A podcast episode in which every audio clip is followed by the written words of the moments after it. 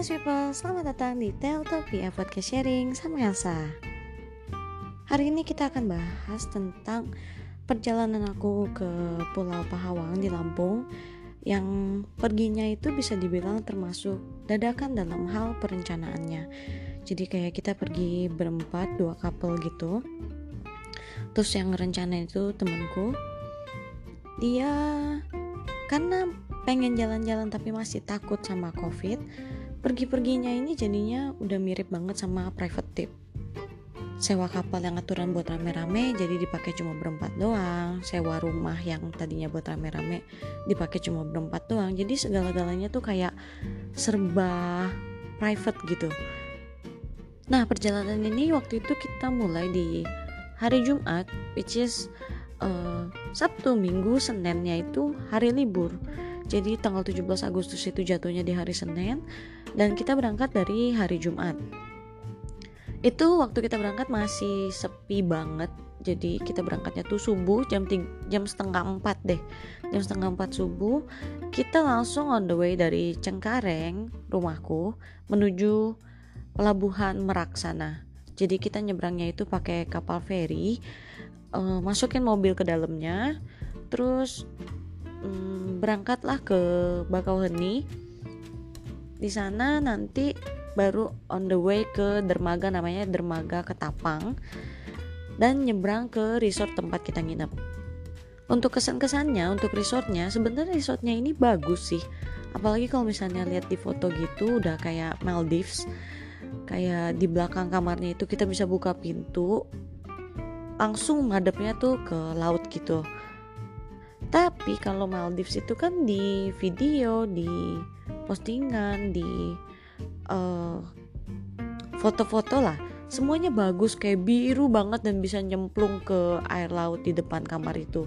Nah, untuk yang di resort yang ini, aku sih nggak ada sama sekali minat untuk nyemplung ke situ karena uh, agak kurang bersih ya. Maksudnya tempatnya juga nggak airnya juga nggak biru. Kalau biru kan dalam ya ini kan ada masih coklat-coklat gitu banyak tumbuhan-tumbuhannya. Tapi memang kalau bisa dibilang tuh ikannya banyak di bawah tempat kita tinggal itu ikannya banyak. Nah untuk fasilitas penginapannya sendiri itu um, kamar mandi dalamnya ada ada water heaternya juga. Terus kapasitas kamar itu untuk 8 orang. Jadi disediakan ranjang satu ranjang untuk berdua karena kita sewanya untuk berempat jadinya ya udah dikasih dua ranjang aja. Jadi memang buat tidur berpasangan gitu. Terus untuk mineral waternya ada dalam bentuk air dispenser jadi bukan dalam botolan gitu.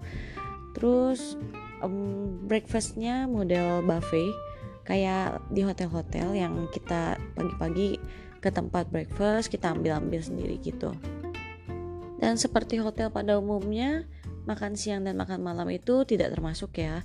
Jadi kita beli sendiri atau kita pesan sama resortnya bisa juga. Nah, untuk kegiatan yang bisa dilakukan selain hmm, keliling-keliling resort, kita kan kalau ke laut pasti ada kegiatan yang snorkeling atau jelajah pulau gitu ya.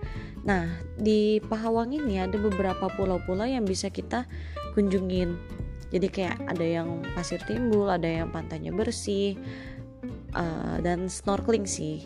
Nah aku mau saranin untuk orang-orang yang memang hobi snorkeling dan suka foto-foto di bawah air gitu bawa kamera yang anti air kayak GoPro gitu kali ya yang enak untuk dipegangnya. Karena di spot-spot snorkelingnya Pulau Pahawang ini uh, instagramable banget karangnya bagus dan di bawah situ tuh udah kayak dikasih tulisan-tulisan yang bisa kita pakai buat foto di bawah gitu. Dan sayang banget aku nggak bawa kamera apa apa sama sekali. Bahkan temanku yang bawa uh, eh, HP untuk dimasukin ke kayak plastik clip gitu sih buat foto. Itu sayang banget sih. Plastik clipnya rusak dan HP-nya jatuh kecemplung ke dalam air but fortunately guide yang di sana yang jaga spotnya itu bisa nyelam ke dalam untuk ambilin HP-nya.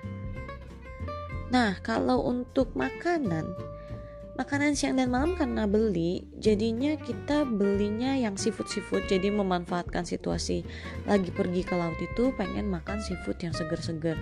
Pas banget kita tuh makan rajungan, udang, cumi, lobster, ikan kerapu, semuanya harganya bisa dibilang worth it dan masakannya enak.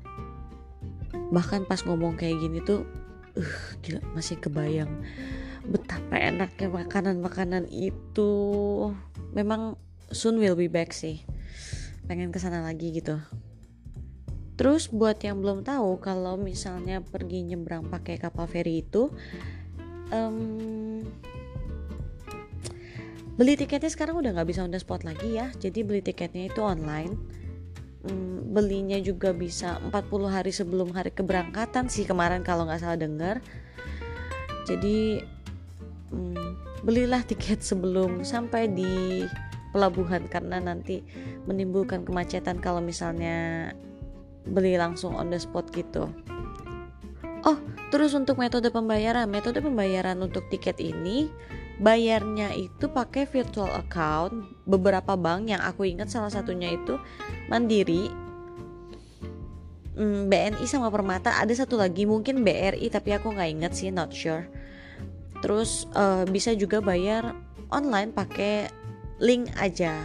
Kita sama sekali yang tadinya nggak punya akun-akun bank-bank itu luckily kita punya account link aja untuk bayar tiket ferry itu. Bisa juga sih bayar ke Indomaret terdekat cuma kan kalau misalnya belinya tuh on the spot gitu ya ya bingung kalau nggak bisa bayar ini gimana gini.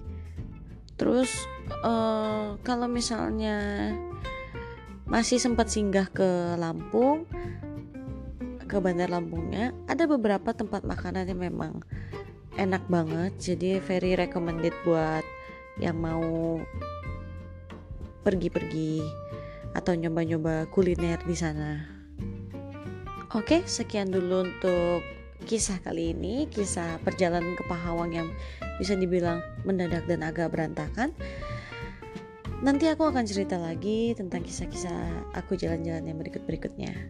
Kita ketemu lagi di episode berikutnya. Makasih yang udah dengerin. Bye bye.